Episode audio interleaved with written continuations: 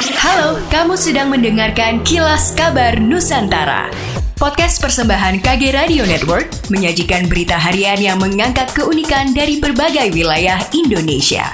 Kilas Kabar Nusantara dapat juga didukung oleh pengiklan loh.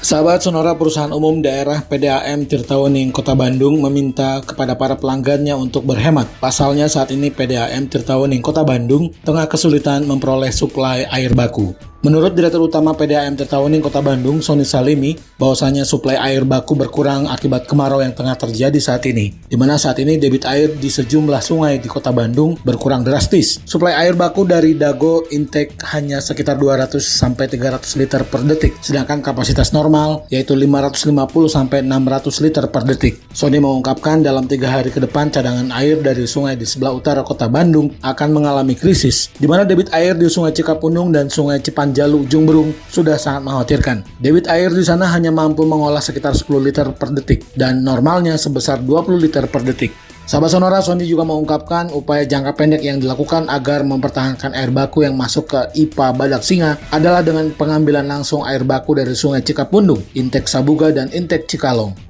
Perumda Tirtawening Kota Bandung menyiagakan truk tangki air minum untuk membantu suplai air sebagai antisipasi selama proses distribusi terganggu dan pelanggan dapat menghubungi kantor tangki air minum dengan syarat dan ketentuan berlaku minimal 10 pelanggan untuk dikoordinir dan gratis.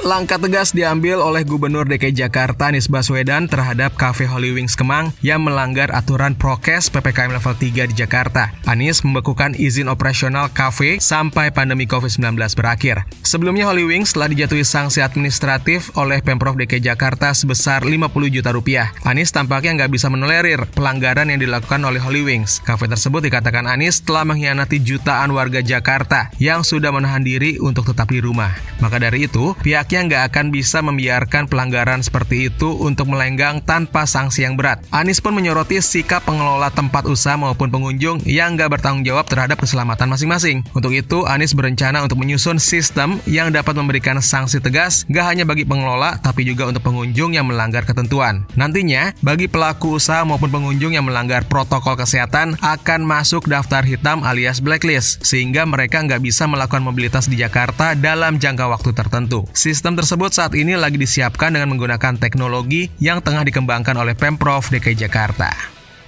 Demikianlah kilas kabar Nusantara pagi ini.